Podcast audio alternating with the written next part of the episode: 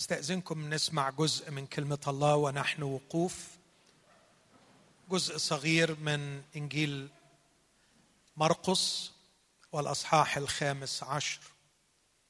إنجيل مرقس أصحاح 15 عدد 37 فصرخ يسوع بصوت عظيم وأسلم الروح. وانشق حجاب الهيكل إلى اثنين من فوق من فوق إلى أسفل. ولما رأى قائد المئة الواقف مقابله أنه صرخ هكذا وأسلم الروح قال حقا كان هذا الإنسان ابن الله. وكانت أيضا نساء ينظرن من بعيد بينهن مريم المجدلية ومريم أم يعقوب الصغير ويوسي وسلومة. اللواتي أيضا تبعنه وخدمنه حين كان في الجليل وأخر كثيرات. اللواتي صعدن معه إلى أورشليم. هذه هي كلمة الرب. خلونا نقدم له الشكر. ونطلب منه أن يواصل تعليمه وعلاجه وشفاءه لنا. أبي مع إخوتي الأحباء أنحني باحترام. أمام تعليمك العظيم راجيا بكل قلبي أن تشفيني بكلمتك وأن تشفي كل نفس تشعر بخراب أو جرح أو فساد وتحتاج إلى شفائك. أبي إني أؤمن بكل قلبي مع كل شعبك على مر العصور في قوة الكلمة الشافية المحررة. مكتوب أرسل كلمته فشفاهم. علمنا وانصحنا وارسل نورك وحقق يهدياننا. ويحررنا من كل شر. في اسم المسيح يا أبي. آمين.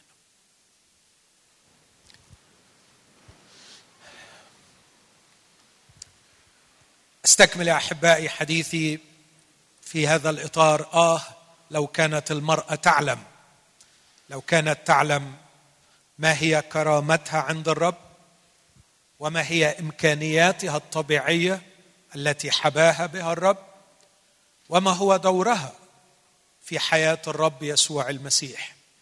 دول الثلاث أفكار اللي شغلت وتثقلت بهم. كرامة المرأة كما أعطاها الرب إمكانيات المرأة الطبيعية التي منحها الرب ثم دور المرأة في حياة الرب يسوع المسيح. وقبل ما أستكمل يا أحبائي بعض الأفكار أرجوكم تصدقوني في اللي بقوله. لا أقدم هذا الموضوع من منطلق المجاملة أو منطلق أننا في شهر يحتفل أو سيحتفل فيه بالمرأة. لكني أقول بقلب موجوع.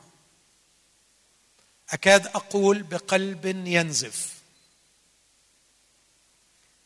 وأنا أرى انسحاق المرأة وأرى ضياع الرجال والأبناء لغياب دور المرأة. أشعر بخطر وبوجع. دورها مهدر وإمكانياتها لم تستثمر. حتى هي لم تتعرف على نفسها ولم تكتشف نفسها. إخوتي ما أقدمه هو حالة إنقاذ. هي صرخة ترغب في ثورة. تنقذ ما يمكن إنقاذه. بعد أن كثر التراب وضعفت قوة الحمالين. لو أردنا أن نعالج النساء المسحوقات لاحتجنا جيشا من المشيرين. ولو أردنا أن نساعد الرجال المحرومين المتعبين المسحوقين ما استطعنا أن نساعدهم في ساعة عمل في مكتب مشوره لكن هذا الرجل يحتاج إلى امرأة. يحتاج إلى امرأة تحبه تحتويه تحتمل وتعطي. كتبت منذ سنوات كثيرة بناء على قناعة في داخلي. في داخل كل رجل كنوز. تملك مفاتيحها امرأة تفهمه وتحبه. آه لو عرفت المرأة إمكانياتها كيف تفجر طاقات الرجل؟ وكيف تستطيع أن تنجح هذا الرجل؟ هذه ليست مبالغة لكنها شرح للكلمة الإلهية العظيمة. أصنع له معينا نظيره. لكن المرأة بعد أن اختزلت إلى جسد في ثقافة تعبد آلهة الجنس تشتهي جسد المرأة وتحقره. رجال صدقوا الأكذوبة صدروها للمرأة التي صدقتها وصرنا نعيش في هذه الدوامة المرعبة. من نساء مسحوقات لا يستطعن أن يساعدن الرجال فلدينا رجال مسحوقين. وبالتالي لدينا أطفال يعيشون مع رجال ونساء مسحوقين. إخوتي إني أرى المأساة وأشعر برغبة عميقة في أن أوصل هذه الصرخة. وربما تكون هذه بداية عمل. أننا كمسيحيين نرى المرأة كما يراها الرجل. كرجال نرى نساءنا وأخواتنا كما يراهم الرب. وان نساعد المرأة لكي ترى نفسها كما يراها الرب. ده الشيء اللي على قلبي. ونفسي أقول لأخواتي أنا شخص بالطبيعة لا أعرف المجاملة مع إن المجاملة أحيانا مطلوبة لكني لست متفوقا في هذا أو مميزا. لكني أتكلم اسمحوا لي أقول لاهوتيا أتكلم علميا وأنا أكلمكن عن الإمكانيات الطبيعية التي فيكم. لما بقول لك عندك إمكانيات تفهمينيش غلط مش قصدي أشجعك. مش قصدي أنفخك. مش قصدي أطبطب عليكي وأفرحك. أتكلم لاهوتيا أتكلم علميا. بداخلك إمكانيات طبيعية يحتاج إليها الرجل بشدة وربما أنت لا تعلمي عنها شيء الأمر الثاني اللي أرجو أن أوضحه هو قضية لن تحل يقينا في وعظة لكنها بداية مشروع. وأرجو أن نساعد أحدنا الآخر لكي ما نحصل على هذا الشفاء. فتكون هذه بداية. نفكر ونعمل ونبدأ بأنفسنا ونثق أن الرب قادر أن يستعيد هذه الإمكانيات. ركزت على أربع إمكانيات طبيعية موجودة في المرأة. المرأة لديها إمكانية لرؤية أوسع من الرجل. المرأة لديها قدرة على الاحتواء احتواء الآخرين أكثر من الرجل. المرأة لديها قدرة على الاحتمال احتمال الآخرين والاحتمال غير الاحتواء أكثر من الرجل. والمرأة لديها قدرة على العطاء أكثر من الرجل. هذه الإمكانيات طبيعية جهزها الله بها كي تمارس دورها الذي أراده وقسمه لها الرب. لكن بلا شك حدث تشوه بسبب الخطيه لكن لنا وعد أن عمل الروح القدس فينا يسترجع ما تشوه. سماه الرسول بولس في تيتوس ثلاثة غسل الميلاد الثاني وتجديد الروح القدس. الروح القدس يجدد شخصيتي يجدد أعماقي فيسترجع من هدم وما فسد في. الروح القدس قادر إذا رش عليك دم المسيح وغفرت خطاياك وسكن فيك الروح القدس الروح القدس قادر إنه كل الإمكانيات الطبيعية يرجعها إلى العمل بكفاءة كاملة. هذه الإمكانيات الطبيعية تمارسها المرأة مهما كانت خلفيتها الفكرية أو الدينية. علشان كده سميتها إمكانيات طبيعية. لكن يقينا هذه الإمكانيات الطبيعية عندما توضع في جو الشركة الحقيقية مع الله والروح القدس يحط إيده عليها بتبقى أمور عظيمة للغاية تنتج قصص بطولات في حياة الكنيسة وفي تاريخ شعب الله. وعلشان كده الأمثلة اللي هأشير إليها. سأشير إلى أمثلة ليس من العالم حيث فقط الإمكانيات الطبيعية لكن الإمكانيات الطبيعية وهي في يد الروح القدس. كيف استطاعت أن تصنع الثورة وتأتي بالخلاص وتحقق النجاح لشعب الله في كل العصور؟ هستكمل بثلاث شخصيات من العهد القديم أمر عليهم مرور سريع للغاية. أؤكد بيهم فكرة الرؤية الثاقبة فكرة القدرة على الاحتواء فكرة القدرة على الاحتمال والعطاء أمر مرور سريع عليهم. عندي أمثلة كثيرة جدا لكن لأني أريد إنه في باقي الخدمة أركز على دور المرأة في حياة شخص الرب يسوع المسيح. علشان أقنعك وأقنع إخواتي الرجال قد إيه فعلا المرأة عظيمة وقد إيه سيدي وسيدك معلمنا رأى هذا فيها واعتمد عليها في خدمته العظيمة. وليعطنا الرب كرجال أن نساعد أخواتنا على هذا الاكتشاف. أبدأ بيكابد. يكابد هي أم موسى. الكتاب يقول عنها في سفر الخروج أصحاح ثلاثة أو أصحاح اثنين أقرأ أصحاح اثنين هذه الكلمات.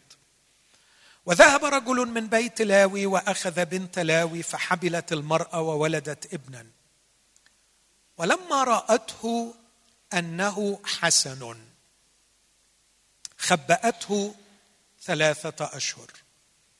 ولما لم يمكنها أن تخبئه بعد أخذت له صفطا من البرد وطلته بالحمر والزفت ووضعت الولد فيه ووضعته بين الحلفاء على حافة النهر ووقفت أخته من بعيد لتعرف ماذا يفعل به. قصة بقيتها حضراتكم تعرفوها. لكن أنا أتوقف عند العبارة اللي في العدد الثاني. لما رأته أنه حسن. خبأته ثلاثة أشهر. الترجمة هنا فيها مشكلة كبيرة لأنه الترجمة دي ضد المنطق. القصة إن الراجل المفتري الشرير اللي هيقع عليه قضى الله قريب كان في الوقت ده هيقع عليه القضاء قريب طلب من القابلتين إنهم يقتلوا الطفل. ولما القابلتين خافتا الله أصدر فرمانا قرار ملكي إنه أي ذكر يولد للعبرانيين. يلقيه أهله بأنفسهم في النهر. تخيلوا القسوة. يلقى كل طفل ذكر. يعني يأخذ الراجل الولد من أمه ويروح بإيده يرميه في النهر. وتحت سطوة هذا القرار الغاشم ولد موسى. ولدته أمه. بعدين الكتاب هنا يقول لما رأته أنه حسن خبأته. كلام غريب جدا. يعني معناها إنه لو ما كانش حلو كانت تفرط فيه يعني. كلام مش ممكن يتقبل مش ممكن يتعقل. كلنا عارفين المثل القرد في عين أمه غزال. يعني يعني عمر اطلاقا ما الشكل هو الذي يفجر طاقات الأمومة. قبل ما استكمل حديثي جاتني كذا ورقة ودلوقتي افتكرتهم. أخشى إن حد يفهم كلامي إنه كلام للأزواج والزوجات. لو الكلام اقتصر على الأزواج والزوجات يبقى الرسالة اللي أنا بقولها ما اتفهمتش. أنا أتكلم إلى الرجال والنساء. وأنا أعتقد إن المآسي كلها اللي بتحصل جات من قبل ما نتجوز. داخلين على الجواز بفكر لخبط. فكرك عن المرأة ملخبط وفكرك عن نفسك قبل الجواز ملخبط. فما بتكلمش إلى أزواج وزوجات ما بتكلمش عن آه، العلاقات العائلية بتكلم عن رجل وامرأة. كيف ينبغي أن ترى المرأة نفسها؟ عمرك عشر سنين؟ يا ريت تسمعيها وتفهميها لبنتك اللي عندها عشر سنين. عمرك 80 سنة؟ تزوجتي؟ ما تزوجتيش؟ القصة ليس لها علاقة بالزواج. الزواج أحد مجالات حصاد الأخطاء. الزواج مجرد أحد مجالات الحصاد. لكن تعرفوا المجال الأكبر للحصاد هو الكنيسة. كنيسة بتحصد أكثر نتيجة هذه الأفكار المدمرة. عشان كده أرجوك وأنت بتسمعني ما تطبقش الموضوع ده على الجواز. أنا مش بتكلم عن الجواز. أنا بتكلم عن دماغ الراجل وإزاي شايفة المرأة ودماغ المرأة وإزاي شايفة نفسها. وشهوة قلبي إن عقلك يتصلح ويشفى وتشوفي نفسك زي ما ربنا شايفك. أرجع ليوكابد.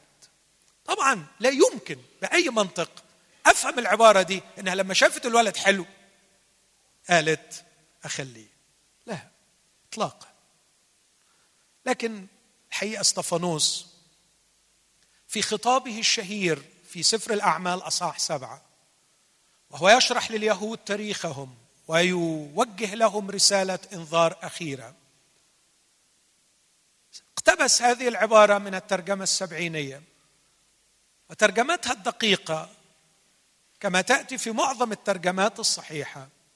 أن أم موسى رأته جميلا لله. رأته جميلا لله. آه. آه على هاتين العينين. عينيك يا يكابد. بصت في الولد. أول ما شافت الولد. مش الولد ده حلو. مش الولد ده شكله جميل. مش الولد ده هينفعنا أو يا ترى مستقبله إيه. هذا الولد وصل إلى هنا.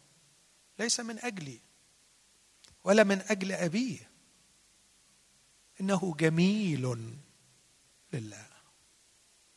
كانت كل أم في التاريخ البشري تنتظر المخلص شهوة النساء. كانت كل أم تحلم أن النسل المخلص سوف يأتي منها. لكن كانت نساء إسرائيل بصفة خاصة وفي ذلك الوقت بصفة خاصة تحلمن جميعا بالمخلص. كانوا عايشين على الرجاء إنه سيأتي رجل يخلص ويخرج الشعب من العبودية. وعندما ولد موسى انفتحت البصيرة الروحية انفتحت الطاقات الرؤيوية فرأت طفل صغير بيمص في صبعه لسه مولود. رأته المخلص ورأته جميلا لله. وكل تاريخ موسى 120 سنة يؤكد إن اللي شافته الست دي في أول يوم ثبت بالحرف. 120 سنة موسى عايش حياته. تقدر تلخصها في العبارة دي. كان موسى جميلا لله. كان جميلا لله في بيت فرعون. كان جميلا لله عندما ترك بيت فرعون. كان جميلا لله عندما أصاب وعندما أخطأ إذ كانت دوافعه دائما نقية. كان جميلا وهو يراقب العليقه التي تشتعل. كان جميلا على الجبل. كان جميلا عندما نزل من الجبل وجلد وجهه يلمع. كان جميلا حتى في موته.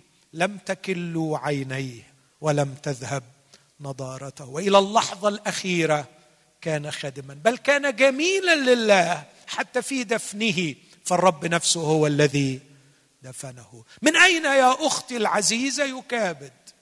أتيت بهذه البصيرة أن تري مستقبل هذا الولد لمئة وعشرين سنة.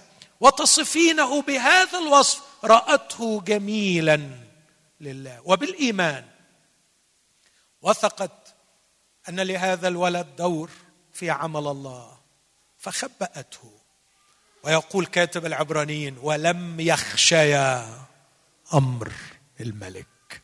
أعتقد كتاب في سفر الخروج وفي سفر الأعمال يركز على دور يكابد أكثر من الراجل. لكن كاتب العبرانيين لأنه يذكر أيضا الإيمان الضعيف يذكر الأبوين. فيقول بالإيمان موسى لما ولد أخفاه أبواه ولم يخشيا أمر الملك. أتوقع أتوقع أن السيناريو صار كالآتي أو الحوار صار كالآتي. بدموع ربما هات يا يكابد الولد عشان أرميه وما نعملش مشاكل. لا يا عمران الواد ده مش هيموت. لا مش هسلمه. يا ستي ما ينفعش. ما تعملناش مشاكل مع الحكومة. القرار صادر وبيتنفذ على الكبير والصغير وإحنا مش اجدع من غيرنا.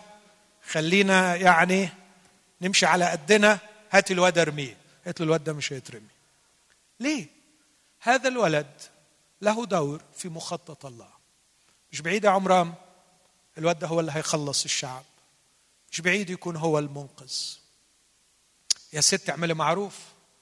لكن أعتقد إن الراجل ده كان عارف تقوى زوجته.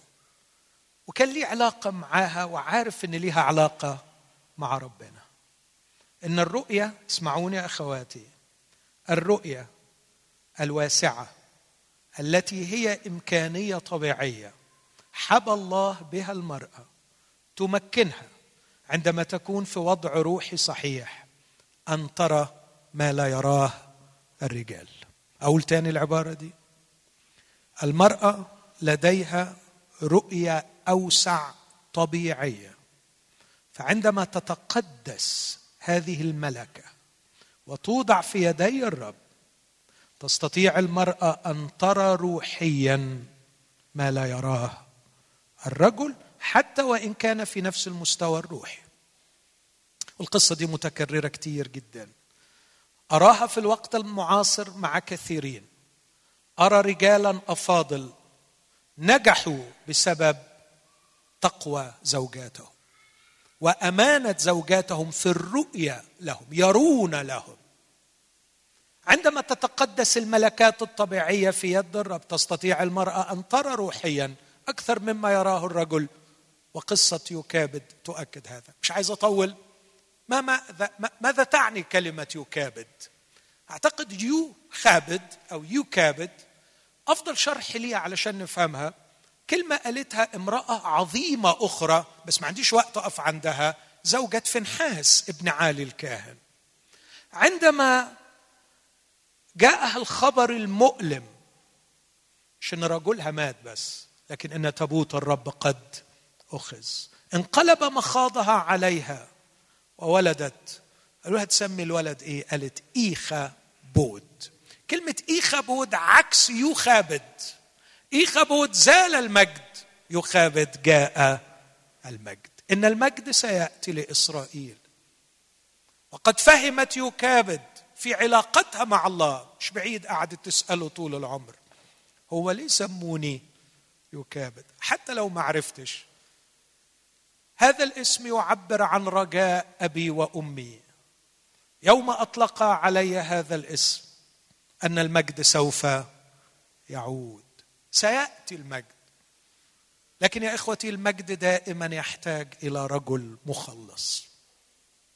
وإذا كانت المرأة لا تستطيع أن تأتي بالمجد فهي تستطيع أن تأتي بالمخلص الذي يأتي بالمجد. وكل رجال الله العظماء على مر العصور كان وراءهم نسوة تقدسنا وتخصصنا للعلاقة مع الرب فصنعوا المخلص الذي يأتي بالمجد. هذا هو معنى اسمها وهذه هي رسالتها. وقد أتمتها على أكمل وجه. ولو كنت حاضر جنازة يكابد كنت لازم أقول في حقها الكلمتين دول. نامي قريرة العين أيتها المرأة العظيمة لقد أتيت بالمخلص. لقد كنت جبارة وعظيمة يوم تحديت أمر الملك وخبأت هذا الطفل ليس لتهور أو اندفاع عاطفي أمومة متهورة لكن لرؤية روحية ثاقبة. لقد رأيت الخطة الإلهية في وجه هذا الصبي. ولقد أكرم الرب إيمانك بمعجزة عجيبة. مش عايز أقف عند دي لأنها مش موضوعي لكن جميلة مش مش هين علي أسيبها. مين يديني أرصد مشاعرها؟ وهي تصنع هذا الصفت. وتطليه بالحمر وبالزفت تؤمن تماما لكي لا تدخل قطرة ماء. كيف كانت تعمله بأي مشاعر؟ وبعد أن أنهت عملها وضعت الطفل فيه. يا ابني سأتركك لكن العناية الإلهية لن تتخلى عنك. إلى هنا وقد فرغت حيلتي ولا أستطيع أن أفعل أكثر من ذلك. سأضعك أمام تيارات المياه الجارفة. سأضعك حيث التماسيح المفترسة. لكن الإله الذي أعلن لي أنك جميلا له هو قادر على أن ينقذك. ووضعته بين الحلفاء. ولم تستطع أن تواصل الوقوف لئلا يخرج تمساح ويفترسه أو تأخذه الطيارات بعيدا وتغرقه. لم تقوى مشاعرها على أن تقف. فوقفت فتاة امرأة أخرى تراقب الموقف من بعيد. وبعد ربما دقائق ربما ساعات قليلة. رقدت مريم إلى البيت تقفز فرحا وهي تبشر أمها تعالي لقد خرج الطفل ليلقى في النهر بأمر فرعون والآن سيعود ليربى في حضنك أيضا بأمر فرعون. وأعطته ابنة فرعون لأم موسى. لا لا مش بس كده ارضعيه لي وأنا أعطي أجرتك. يعني تمارس أمومتها ويرجع لها ابنها وكمان تاخد فلوس عشان الواد يتربى تربية كويسة. أعمال العناية الإلهية عندما تعمل لصالح المرأة التقية. وكم رأينا من امهات تقيات وقفت أعمال العناية الإلهية إلى جوارهن لكيما يخرجن رجالا عظماء. رغم الفقر والضيق رغم الألم والوجع رغم أنهن كان منسحقات في معظم أيام عمرهن لكنهم أخرجوا للكنيسة وأخرجوا للمجتمع رجال عظماء. هذه هي يكابد ورؤيتها الثاقبة. نفسي تصدق مراتك ممكن تبقى الشوافة بتاعتك. انت ممكن تبقي شوافة لجوزك وشوافة لعيالك. بس أرجو ما تفهميش كلامي غلط. يعني تقول لهم أخ ماهر قال لنا في الكنيسة إن أنا شوافة فمن النهارده ما حدش في البيت ده يشوف إلا عارفين الجهل ده؟ أنا ما أقصدش ده طبعا ما أقصدش ده خالص. وأتمنى إن إحنا نكون على مستوى من النضوج اللي لا يسيء استعمال ما أعلم به. لكن تاني هقول كوني متضعة وضعي هذه الإمكانية الطبيعية الوايد فيجن اللي ربنا اداها لك تقدري تشوفي أوسع. حطي الإمكانية دي في إيدين الروح القدس. وقولي له يا رب افتح عيني وأنر ذهني عشان لما اللي حواليا يحتاسوا أقدر أشوف اللي أنت شايفه. القصة الثانية التي تؤكد البصيرة الثاقبة الروحية. أرى بسرعة في سفر القضاة. أنا نفسي أغسل الدماغ. غسل نظيف مش بمعنى غسل الدماغ الشرير لكن تنقية. يسوع قال أنتم الآن أنقياء لسبب كلام فأنا عايز أغسل بكلمة الله. في سفر القضاء أصحاح 13 تيجي قصة أم شمشون. الست دي أيضا محترمة. كانت عاقر لم تلد. عدد ثلاثة من قضاء 13 تراءى ملاك الرب للمرأة. وملاك الرب ده زي ما نفهم هو الرب نفسه. وقال لها ها أنت عاقر لم تلدي ولكنك تحبلين وتلدين ابنا. والآن فاحذري. ووصاها تعمل إيه وقال لها خبر رائع. قال لها في عدد خمسة أخره هو يبدأ يخلص إسرائيل من يد الفلسطينيين. جميلة قوي يبدأ دي. كأنه الملاك بيقول لها على فكرة الواد ده هيبقى خايب شوية في النص هيبدأ لكن مش هيكمل وده اللي حصل فعلا. المهم فدخلت المرأة وكلمت رجلها قائلة جاء إلي رجل الله ومنظره كمنظر ملاك الله. حلوة جميلة الست دي ما أعرفش اسمها. بس امرأة جميلة عمالة تشارك جوزها باللي حصل لها لأنها خبرة رائعة. وبتقول له مرهب جدا ولم أسأله من أين هو ولا هو أخبرني عن اسمه.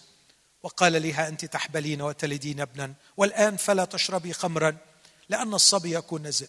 بص منوح برضو كان راجل تقي.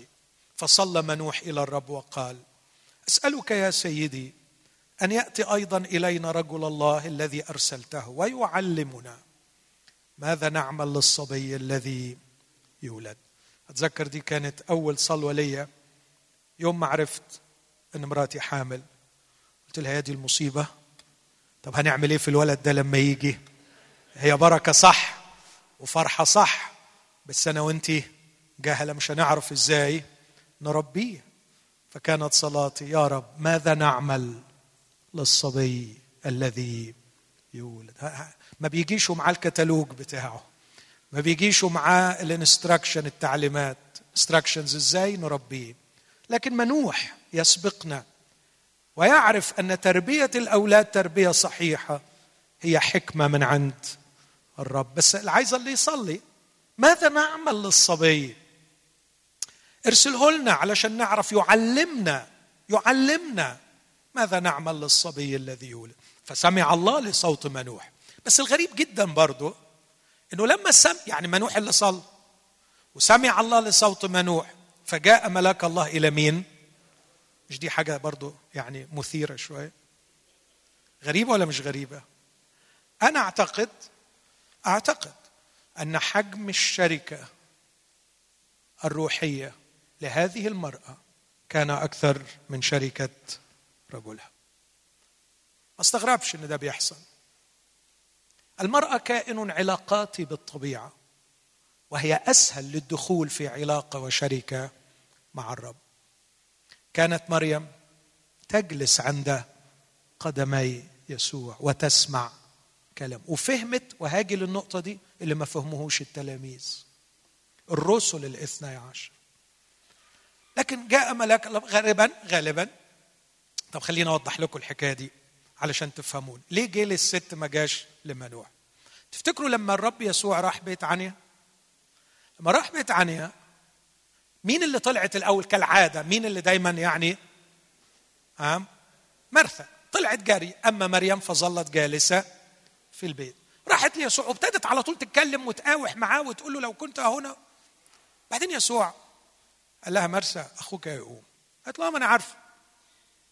هيقوم في اليوم الأخير. لا لا مرسى أنا هو القيامة والحياة. من آمن بي ولو مات فسيحيا وكل من كان حيا وآمن فلن يرى الموت. أتؤمنين بهذا؟ قالت له أنا أعلم أنك أنت المسيح ابن الله الآتي إلى العالم. وبعدين الكتاب يقول وتركته وذهبت لتدعو مريم.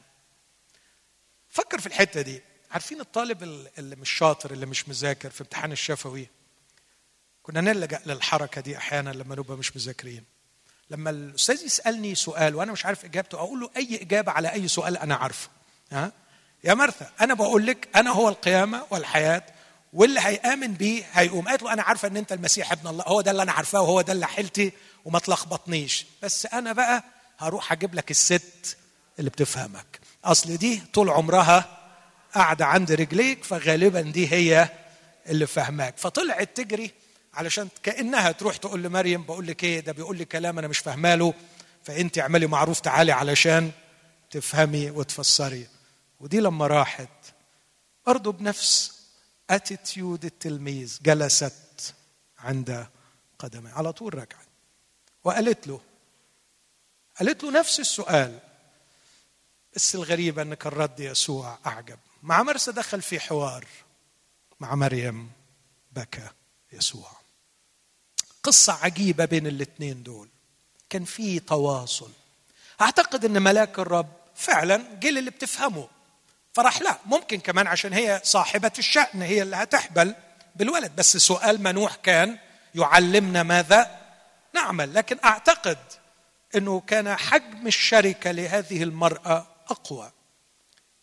فهي جميلة جدا.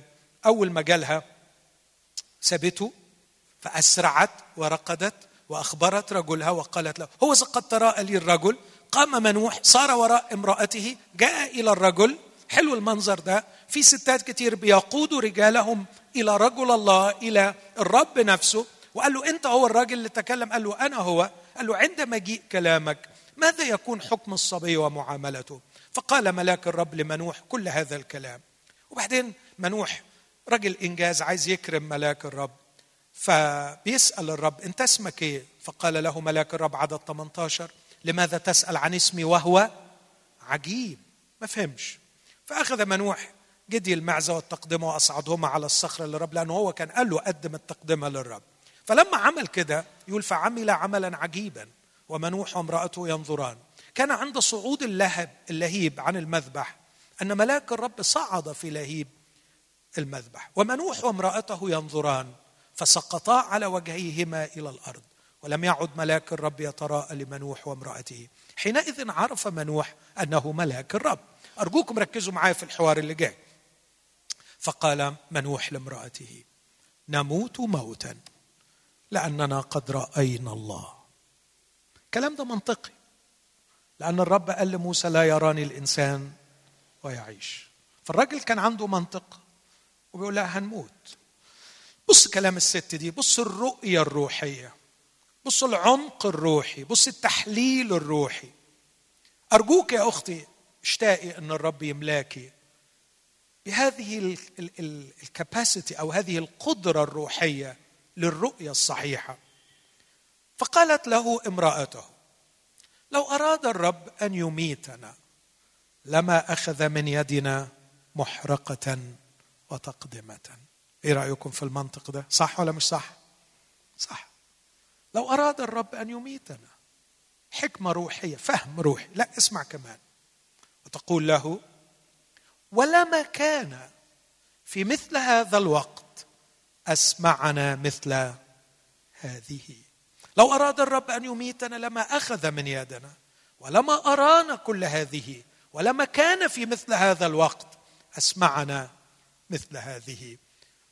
وواضح جدا إن منوح بعد ما سمع الكلمتين دول قلبه استراح واطمأن وانتهت القصة لوجود امرأة لها هذه الرؤية الروحية.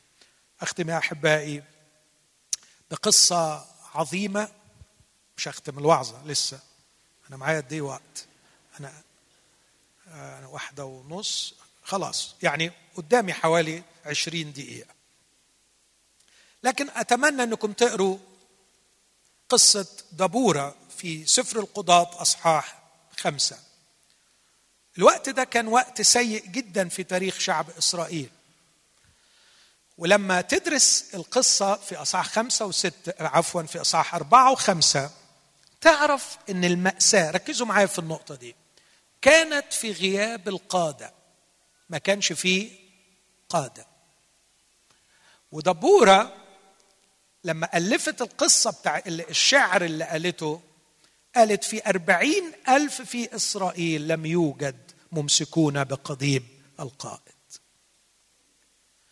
أقفرت المسالك والشعب صار في مسالك معوجة لأنه لم يكن هناك ملك وكل واحد فعل بحسب ما يحسن في عينيه. مرات كثيرة كل اللي بنعمله ان إحنا بنقعد ننتقد القادة ونلوم على القادة ونشتكي القادة. وما بنصليش وما بنصرخش من أجل القادة هل تعرفوا عبء القيادة؟ هل نفهم حجم مسؤوليات القائد في أي مجال؟ القيادة ليست نزهة القيادة الحقيقية خدمة وخدمة ثقيلة للغاية وعلى شعب الرب أن يصرخ للرب لكي يرسل الرب قادة لشعبه ويصرخ للرب من جهة القادة الموجودين أن يعطيهم الرب حكمة ونعمة. وإذا شفت فيهم غلط على فكرة على فكره أنت ما اكتشفتش اكتشاف رهيب. ده طبيعي جدا جدا إن القائد يغلط. موسى غلط يشوع غلط. طلع لي قائد في كل التاريخ ما غلطش. بس المفروض حضرتك بدل ما تحكي عن الغلطة وتعمل فيها يعني أبو العريف اللي اكتشف الغلطة. ونتكلم عن الغلطة. أرجوك ادخل مخدعك اغلق بابك واركع ركعة قدام الرب وقول له يا رب لو الراجل ده وقع كلنا هنضيع. ارحم وأنقذ. غلط. الشعب ولم يعد هناك قادة. الست المحترمة دي عملت إيه؟ قامت تقضي لشعب الرب. بص كده عدد أربعة من قضاء أربعة. دبورة امرأة نبية. هي قاضية إسرائيل في ذلك الوقت. وهي جالسة تحت نخل الدبورة بين الرامة وبيت إيل في جبل أفرايم. بص العبارة اللي جاية دي. وكان بنو إسرائيل يصعدون إليها للقضاء. فأرسلت ودعت براق بن أبي نوعم من قادش نفتالي وقالت له ألم يأمر الرب إله إسرائيل؟ اذهب وازحف إلى جبل طبور وخذ معك عشرة ألاف رجل من بني نفتالي ومن بني زبلون فأكذب إليك إلى نهر قشون سسرى رئيس جيش يبين بمركباته وجمهوره وأدفعه ليديك. إيه الجبروت ده؟ إيه العظمة دي؟ إيه الجمال ده؟ أشير إلى كم مخيف من الحكمة الإلهية وإلى كم رائع من الأخلاق السامية. أما الحكمة فهي القدرة على استلهام فكر الرب بهذا الوضوح وبهذه التفاصيل. واضح جدا. تروح لمين وتقول له إيه ويعمل إيه وياخد مين وياخد عدد قد إيه وياخدهم فين ويروح الموقعة فين. إيه الجمال ده؟ إيه القوة دي؟ ودي امرأة. لكن الحاجة الثانية الذي اعتدناه وعرفنا أن من يقضي لبني إسرائيل يجلس في باب المدينة لكن دبورة بأخلاقها الراقية جلست في بيتها. وكان الذي يرغب في أن يسمع قضاء الرب يعمل إيه؟ يصعد إليها. وهي كانت قصدها توصل رسالة. لست في منافسة مع الشيوخ والقادة الذين فشلوا في قيادة الشعب. لكن هي قالت عندما اسمع العبارة دي في الترنيمة بتاعتها عندما خذل الحكام في إسرائيل قمت أنا دبورة قمت اما في إسرائيل. شوفوا الجمال. قمت مش عشان أنافسهم لما خذلوا لكن قمت أشتغل أم. أقعد في بيتي واولادي يقولي أطبطب عليهم وأنصحهم وأعلن لهم فكر الرب. شايفين الأخلاقيات؟ شايفين حجم النضوج؟ شايفين الروعة هي النبية هي القاضية. لو راحت قعدت في باب المدينة محدش يقدر يفتح بقه بكلمة. لكن ستعرض نفسها لمأساة كبرى مع الحكام الخايبين اللي لو كانوا نجحوا في قيادة إسرائيل ما كانتش هي طلعت. ولو هم ناضجين أكيد ما كانوش هيسيبوا الشعب يوصل للحالة دي ولا هيعكسوها لكن هي عارفة الوضع. فجلست في بيتها وشعب الرب يصعد إليها. بصيرة ثاقبة حكمة ونضوج. قلما وجدت في رجال. عشان كده تاني أقول للمرأة اعرفي إمكانياتك. كل ده ممكن يكون موجود فيكي. والرب يستعملك تبقي أم مش للولدين اللي ربنا ادهم لك ولا للخمسة لكن أم لشعب شعب كثير زي سارة اللي قرينا عنها في الصباح. وهذه المرأة العظيمة القصة بتاعتها جميلة. كيف شجعت واحتوت براق قال لها ما اروحش الا اذا رحتي معايا. قالت له هاجي معاك. وكيف صنع الرب انتصارا عظيما بسبب دبورة. لما تقرأ القصيدة بتاعتها برضو قبل ما أفوتها أوري لك برضو المرأة لما تنجح الحكمة الروحية كيف تدير النجاح؟ لأنه في رجالة كتير قوي يسكرهم النجاح ما يعرفوش يديروا النجاح بتاعهم بطريقة جيدة. دبورة نجحت نجاح غير عادي لكن بص الاتضاع والنضوج وهي تكتب الترنيمة. سفر القضاء أصحاح خمسة عدد واحد. فترنمت دبورة وبراق ابن أبي نوعم في ذلك اليوم قائلين. ترنيمة ألفتها دبورة كما نفهم من بقية الترنيمة. تقول لأجل قيادة القواد في إسرائيل لأجل انتداب الشعب باركوا الرب. يلا يا شعب الرب باركوا الرب. باركوا الرب على إيه؟ علشان حاجتين. قيادة القوات وانتداب الشعب. إيه رأيكم في الكلام ده؟ أنتم مركزين معايا؟ إيه رأيكم في الكلام ده؟ بصراحة كده من الآخر. مين اللي عمل الانتصار ده كله؟ مين اللي جاب الخير ده كله؟ هي. بتقول للشعب تعالوا نبارك الرب. مش إن ربنا بعتني ليكم. مش إن ربنا يعني أنعم عليكم بيا. تعالوا نبارك الرب لأجل قيادة القواد. شوفوا الجمال. مش عارف ده تسموه إيه. ليه حق أبقى مبهور بالأخلاق دي؟ قولوا يا رب ابعت لنا ابعت لنا نساء من هذا النوع. قولي للرب يا رب اعملني من هذا النوع. تبقيش حساسة قوي على روحك وبتدوري حوالين نفسك. بصي النضوج بصي الروعة. يا ستي ده انت اللي شلتي الليلة كلها. ده الحالة كانت بؤس وآخر خيابة وحتى براق نفسه. قال لك ما روحش إلا إذا رحتي معايا. لكن لما تيجي تغني تقول باركوا الرب لأجل كل قائد مشي قدام جنود وحارب. باركوا الرب لأجل الشعب اللي مشي ورا القائد. طب وانت؟ وانت يا دبور؟ قالت أنا أم. أنا كل اللي عملته كنت بطبطب على العاسر بشجع المنحني. أنا عملت إيه؟ أنا بس اشتغلت أمومتي. هي دي اللي أنا طلعتها. بس أنت يا ست الكل ده أنت أنقذت شعب. تقول لا أنقذت شعب لكن أنا ما عملتش حاجة غير إني صرت اما لشعب الله.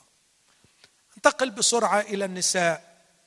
المرأة في حياة ربنا يسوع. كنت بقرأ النهارده الصبح لكاتبة وشاعرة وفيلسوفة إنجليزية. الشاعرة دي الحقيقة من أعظم العقول النسائية اللي قريت لها اسمها دورثي سايرز. دورثي ليها فكر متقدم قوي قوي أعتقد أنها سبقت أحيانا سي إس لويس في بعض الأفكار. وفي فكرة كنت بحبها قوي لسي إس لويس ولما حفرت شوية لقيت إن هي سبقته فيها. فالست دي كاتبة مقطع صغير عن شخص المسيح والمرأة. بتقول فيه الآتي بنظرتها الثاقبة بتقول اسمعوا يا أحباء دي ترجمة حرفية للي قالته دورثي سايرز. لم تعرف النساء ابدا. رجلا نظير ذلك الرجل. ولم يعرف الزمان قط له مثيلا. كان النبي والمعلم الذي لم يزعجهن قط. دورثي بتفكر في الكونتكست في الوضع والأيام اللي كانوا فيها. في نفس الوقت كنت بقرأ لأحد الرابيين اليهود اللي كانوا موجودين في ذلك الوقت. كان بيقول الراجل اللي يعلم بنته الشريعة كأنه يعلمها الزنا.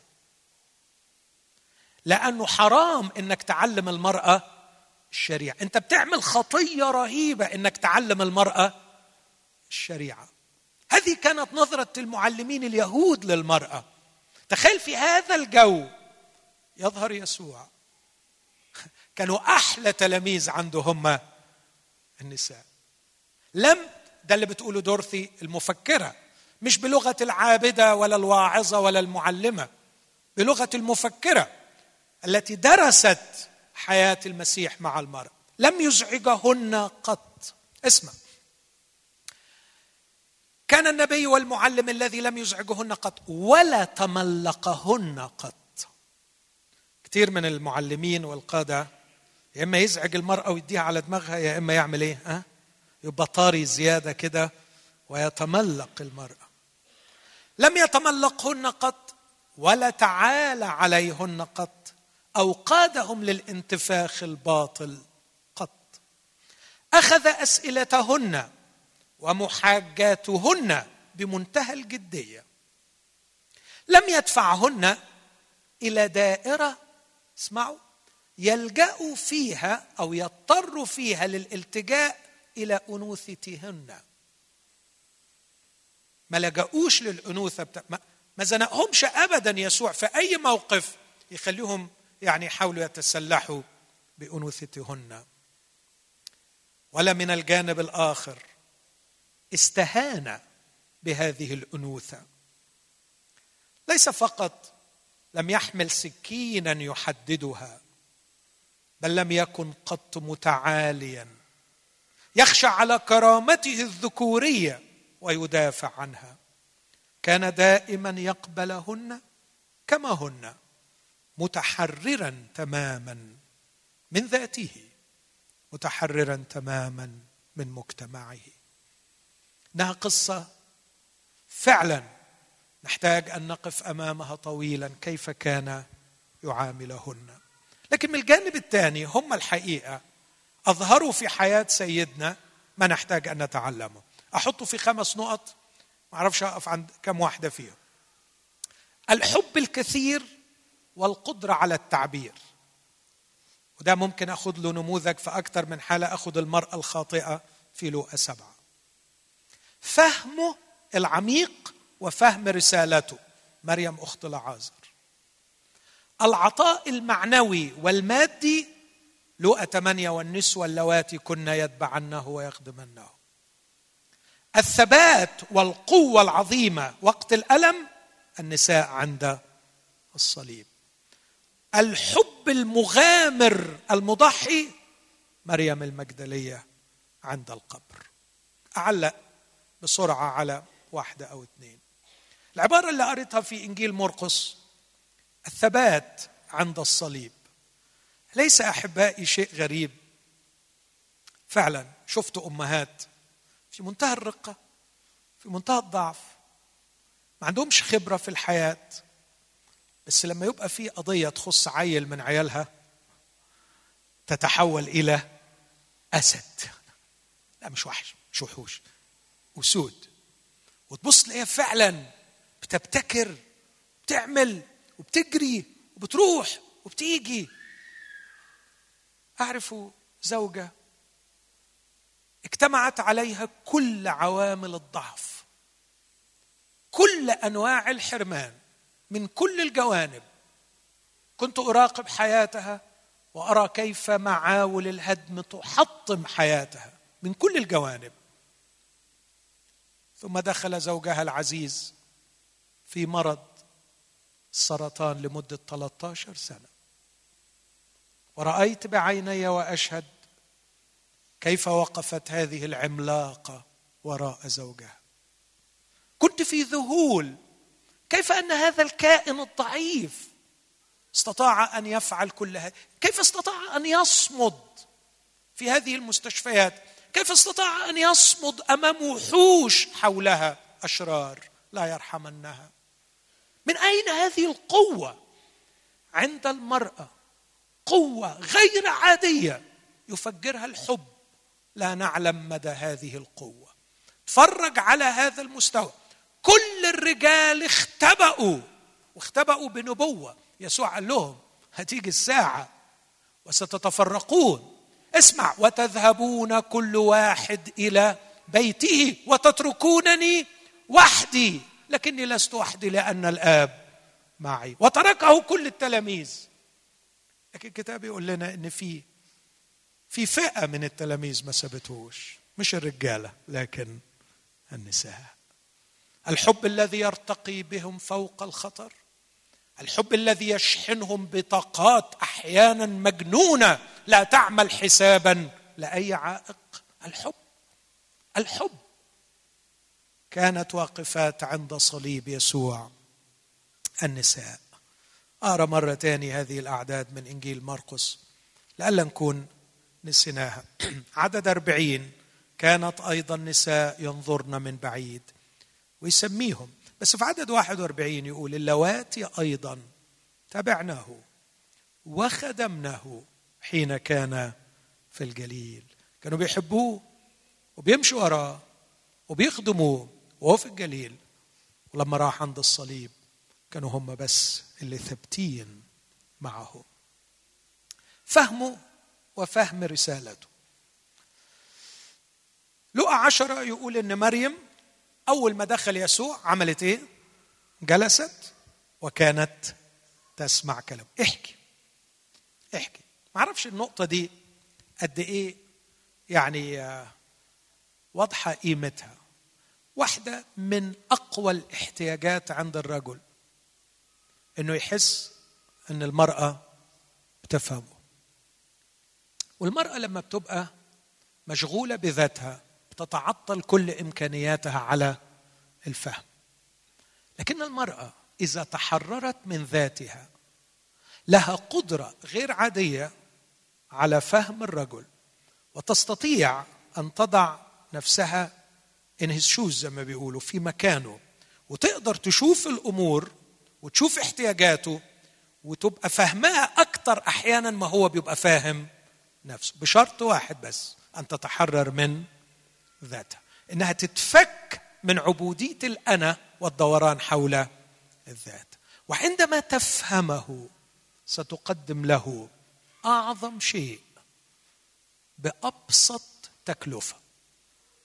ربما تعبر عن فهمها بابتسامة بكلمة بعبارة تزيح جبال من على كاهل الرجل. ما أعرفش مصدقيني ولا مش مصدقيني. فكروا في الكلام اللي بقوله. تستطيع المرأة عندما تفهم رجلها وستفهم رجلها عندما تتحرر من أنانيتها تستطيع أن تفهمه.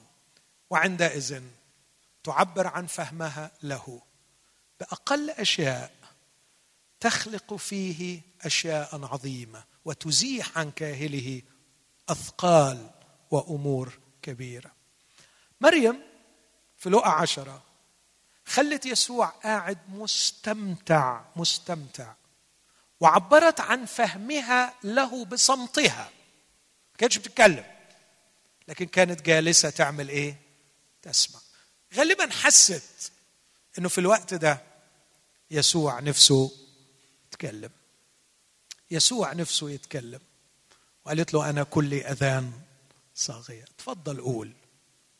قول اللي نفسك تقوله. وهو يتهيأ كأنه ما أعرفش إيه الحديث اللي اتقال. ما أعرفش. لكن أقدر أخمن وأقول كأنه بيقول لها بص يا مريم في في قلبي كلام كتير حاولت أفهمه للتلاميذ. ما قدروش وما فهموش. تصور يا مريم لغاية دلوقتي خمس ست مرات أقول لهم هموت وأقوم. لا حد مصدق إن أنا هموت ولا حد مصدق إن أنا أقوم. تصور يا مريم مش عارف. وبعدين دول أهم حاجتين عندي يا مريم. يعني أنا أهم حاجة في رسالتي كلها إن أنا هموت وأقوم. يا مريم لا حد قابل موتي ولا حد قابل مصدق في إيه مش عارف أعمل إيه معاهم. تعبت تعبت. وهو وهي عمالة تسمعه وتبتسم له وتدي له الإحساس إن هي فاهمة الكلام بتاعه وهأكد إنها فهمت فعلا. وريحة الطبيخ جاية من جوه. وكل اللي بتعمله أختنا مرسى عمالة تخبط صحون في صحون وحلل في حلل وفي الآخر جت تخبط بالكلام وتقول له أما تبالي أن أختي قد تركتني أخدم وحدي. قل لها يا مرثا يا مرثا. أنت تهتمين وتضطربين لأجل أمور كثيرة. يا مرثا أنا مش محتاج أكل دلوقتي. أنا محتاج حد يسمعني ويحس بيا ويفهمني. كانت هي التلميذة الحبيبة التي تجلس عند قدمي. ويسوع يقول عنها كلمة ولا ملايين الدنيا تسويها. يا مرثا مريم اختارت النصيب الصالح الذي لن ينزع منه إخوتي قبل الصليب بكم يوم وسط الرجالة ووسط الناس والزحمة جت مريم وعملت عملة لا يجرؤ أقوى الرجال على فعلها. جابت قارورة طيب كثيرة الثمن ثمنها أكثر من 300 دينار. لاحظوا لما كان في 5000 راجل قالوا نجيب لهم عيش ب 200 دينار 5000 راجل غير النساء والأطفال. فيلبس حسب قال نوكل الجمهور الرهيب ده ب 200 دينار. القارورة كان ثمنها 300 دينار. وراحت كسراها على شعر يسوع. وبقيتها سكبتها على قدميه. وفكت شعرها في وسط الجمع. وابتدت تمسح رجليه بشعرها. فامتلأ البيت من رائحة الطيب ناردين خالص كثير المنظر رهيب. بصراحة منظر غير مألوف وغير مقبول مجتمعيا وغير مقبول دينيا. وعبر عن عدم القبول هذا يهوذا وانساق كل التلاميذ وراءه تعرف الكتاب يقول إيه؟ وكانوا يؤنبونها. كلهم. واحد مثلا يزغدها برجله كده. بلاش إيه قلة الحياة دي؟ إيه المنظر ده؟ واحد تاني يشدها. واحد يدخل لمرسى كده ويقول لها لم أختك إيه المسخرة اللي بتعملها دي؟ ده منظر برضه ويهوذا يقعد يلسن بالكلام وبطرس يسمع له وده. بعدين يسوع يقول اتركوها. لماذا تزعجونها؟ إنها عملت بي عملا حسنا. تعرفوا عملت إيه؟ اسمعوا يسوع يقول إيه إنها حفظته ليوم تكفيني. إيه معنى الكلام ده؟ اعتقادي وتفسيري. إنه لما كانت بتقعد تسمع كلامه قال لها مرسى مريم هموت وهقوم. قالت له هتقوم؟ آه آه إزاي؟ قال ما قريتيش مزمور 16 ولن تدع تقيك. يرى فساد. أنا التقي يا مريم. اللي جسمي مش هيشوف فساد. قلت له بجد؟ طب والطيب اللي أنا حافظاه اليوم تكفينك؟ ده أنا شايلاه. ده أنا صدقت لما قلت لي الأسبوع اللي فات إنك هتموت. فرحت جهزت قارورة الطيب علشان أكفنك. دلوقتي بتقول لي هقوم. يعني مش هتكف. لا هسكبه عليك وأنت حي. علشان ما تضيعش عليا الفرصة وأنا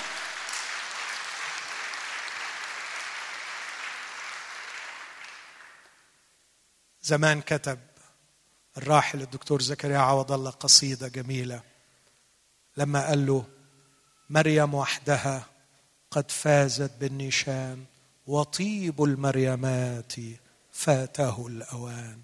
حملنا الأطياب في صباح الأحد. وذهبنا لكفن جسد يسوع.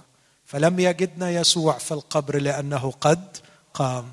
لكن التي تمتعت بهذا الامتياز وحظيت بهذا الشرف هي التي فهمت.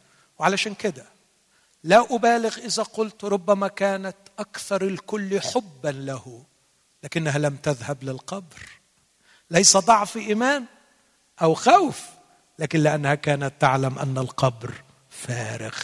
كانت تعرف أن يسوع قد قام من الأموات. فكفنته وهو حي ولم تذهب إلى القبر بعد الموت بينما الكل في حالة ارتباك تجلس في حالة تسبيح وسجود وعبادة تشتاق لرؤية الحي الذي قام من بين الأموات. وقد رأته أكيد بعد هذا مرة ومرات ويقينا تبادلنا الابتسامات. وهو بيقول لها فهمتيها يا مريم؟ فهمتيها بدري؟ كفنتيني وأنا حي. وما جيتيش عند القبر.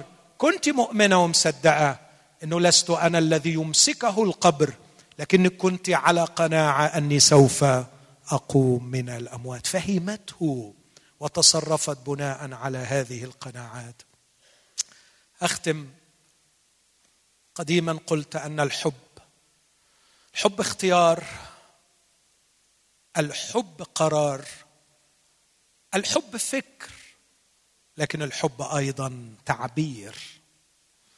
وإذا مات الحب في القلب دون تعبير من يدري به؟ من يدري به؟ لا تقول لي إني أحب في قلبي إذا أحببتني عبر وكان يسوع ينتظر التعبير. وللأسف الشديد هناك كثيرون أحبوه لكني لم أرى احدا نجح في التعبير عن الحب كما نجحت هذه المرأة العظيمة التي كانت امرأة خاطئة في المدينة. هذه المرأة شفت يسوع من جرح عميق. فتح قلبه لسمعان وقال له دخلت بيتك وقبلة لم تقبلني. أما هي فمنذ دخلت لم تكف عن تقبيل رجلي. ماء لأجل رجلي لم تعطي أما هي فقد غسلت رجلي بالدموع ومسحتهم بشعر رأسها. آه كم كانت نسمة هواء منعش ليسوع. تعدت كل القيود الاجتماعية. تخطت كل الحدود الثقافية وكانت في انتظاره. غالبا كان يعلن عن اللقاء إن في ربي أو معلم جاي في البيوت الكبيرة فيعملوا له وليمة. الكبار يقعدوا وبعدين الناس بقى اللي عايزة تسمع تيجي تقعد من ورا عشان بعد ما يقوموا ياكلوا حاجة من اللي باقي. ده كان المعتاد في هذه الثقافة. هي دخلت وقعدت من ورا. وأول ما دخل يسوع ظلت تقبل في قدميه. ولم تكف عن تقبيل قدميه يسوع بص لها وقال له هذه المرأة غفرت لها خطاياها الكثيرة. ليه؟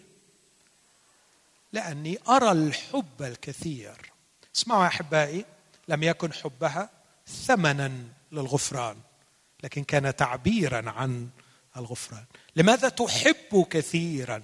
لأنه قد غفرت لها خطاياها الكثيره ونظر إليها يسوع وأعطاها أعظم عطية مغفورة لك خطاياك. لقد شعرت بالغفران في قلبك ها أنا أعطيه لك منطوقا تسمعه أذنك وتبني عليه يقينك. ثم يقول لها إيمانك قد خلصك اذهبي بسلام. ما أجملها عطية. قومي يا بنتي. قومي يا من حصلت على الغفران وأكرمتيني وأشبعت قلبي. اذهبي بسلام. Go in peace.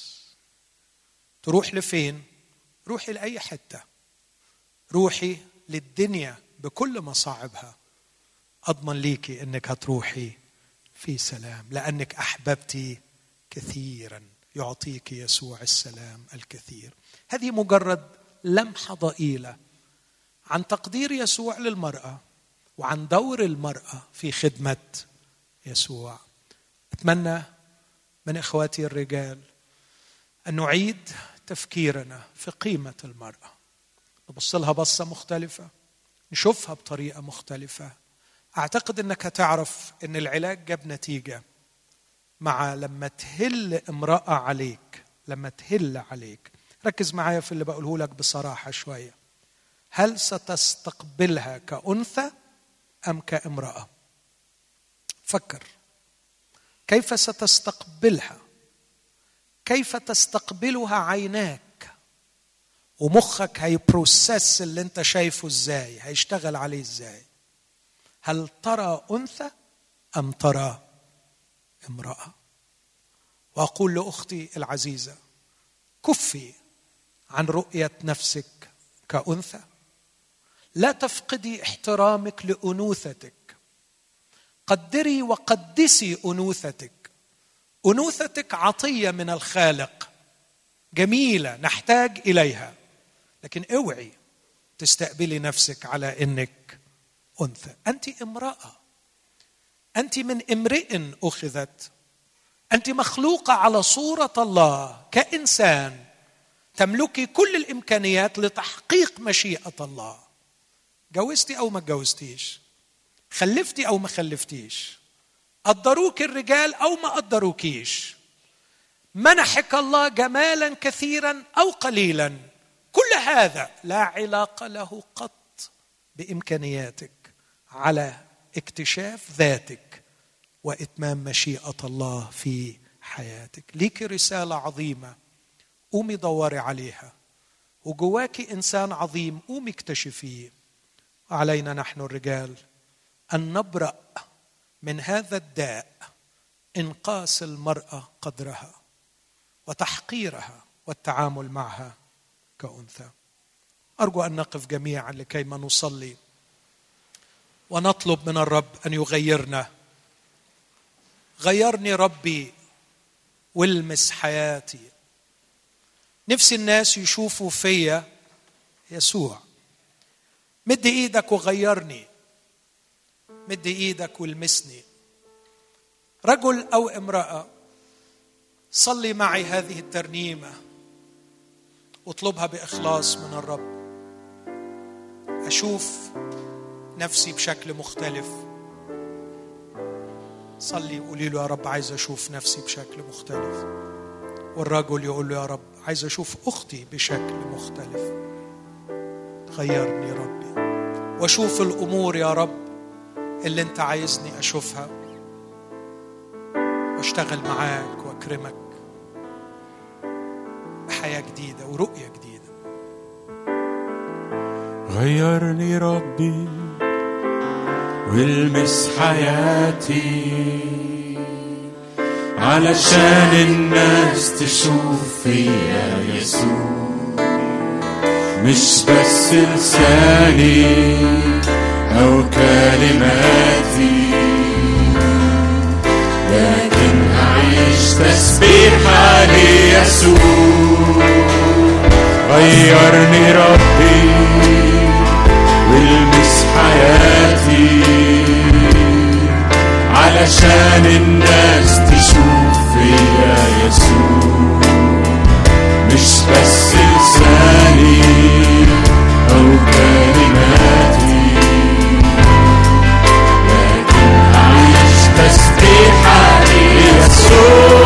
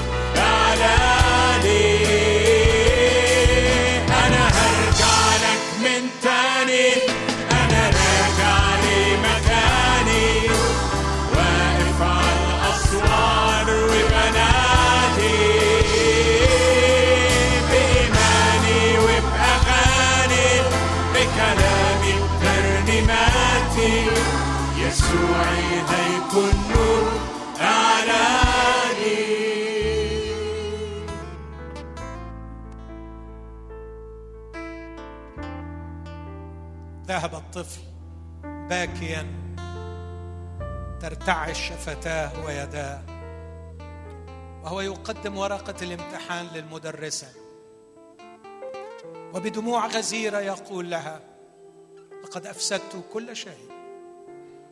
لم أجب عن سؤال واحد وانسكب الحبر على ورقتي وضاعت الفرصة. فبكت المعلمة أمام بكاء الطفل. وقدمت له ورقة بيضاء جديدة وقالت له لم تضع الفرصة. ها هي ورقة جديدة. ابدأ يا ابني من جديد. هذا المنظر الجميل صوره شاعر في قصيدة وأنا أعتقد أنه كان يصور قصتي مع الله. كثيرا ما ذهبت إليه بورقتي. مشوهه أفسدت كل شيء. لكنه كان دائما يغفر لي ويقدم لي ورقة جديدة ويقول لي هيا تشجع وابدأ من جديد. هل أفسدت ورقتك؟ هل أفسدت جسدك؟ هل أفسدت نفسك؟ هل خربت عينيك وخيالك وفكرك؟ قدم هذه الورقة المشوهة للرب. وقول له قدم لي ورقة جديدة بيضاء ناصعة. وهيا بنا يا حبيبي نكتب من جديد قصة جديدة بداية جديدة فيها غفران. وأسمع من فمك إيمانك قد خلصك. اذهبي بسلام. اذهبي بسلام إلى رحلة حياة جديدة. اذهبي بسلام إلى علاقات جديدة. انسي الماضي. أنا قادر أستره وقادر أشفيه. اقبلي من الرب. مش بس الغفران. إيمانك قد خلصك. من قيود الماضي وذكريات الماضي ومآسي إفساد الحياة فيما مضى. يسوع طبيب. يسوع بناء حكيم. يسوع يعرف يشفي. يسوع يعرف يرجع اللي ضاع. أنا هرجع أملك من تاني. خلينا نقول له الكلمات دي. أنا راجع من تاني. وهقف في المكان الصح. وهبدأ البداية الصح. وهعيش الحياة الصح. في غفران وفي خلاص. اقبلوا. اقبل الغفران للذنب. واقبل الخلاص من جروح وتشوهات الماضي. غيرني ربي والمس حياتي علشان الناس تشوف فيا يسوع. مش بس لساني أو كلماتي لكن هعيش تسبيحة ليسوع. هسهر هصلي فاكر رسالتي. وأتعلم ربي تاني الانتظار. أحيا شهادة نسحب إرادة. وتفيد حياتي دايما بالثمار.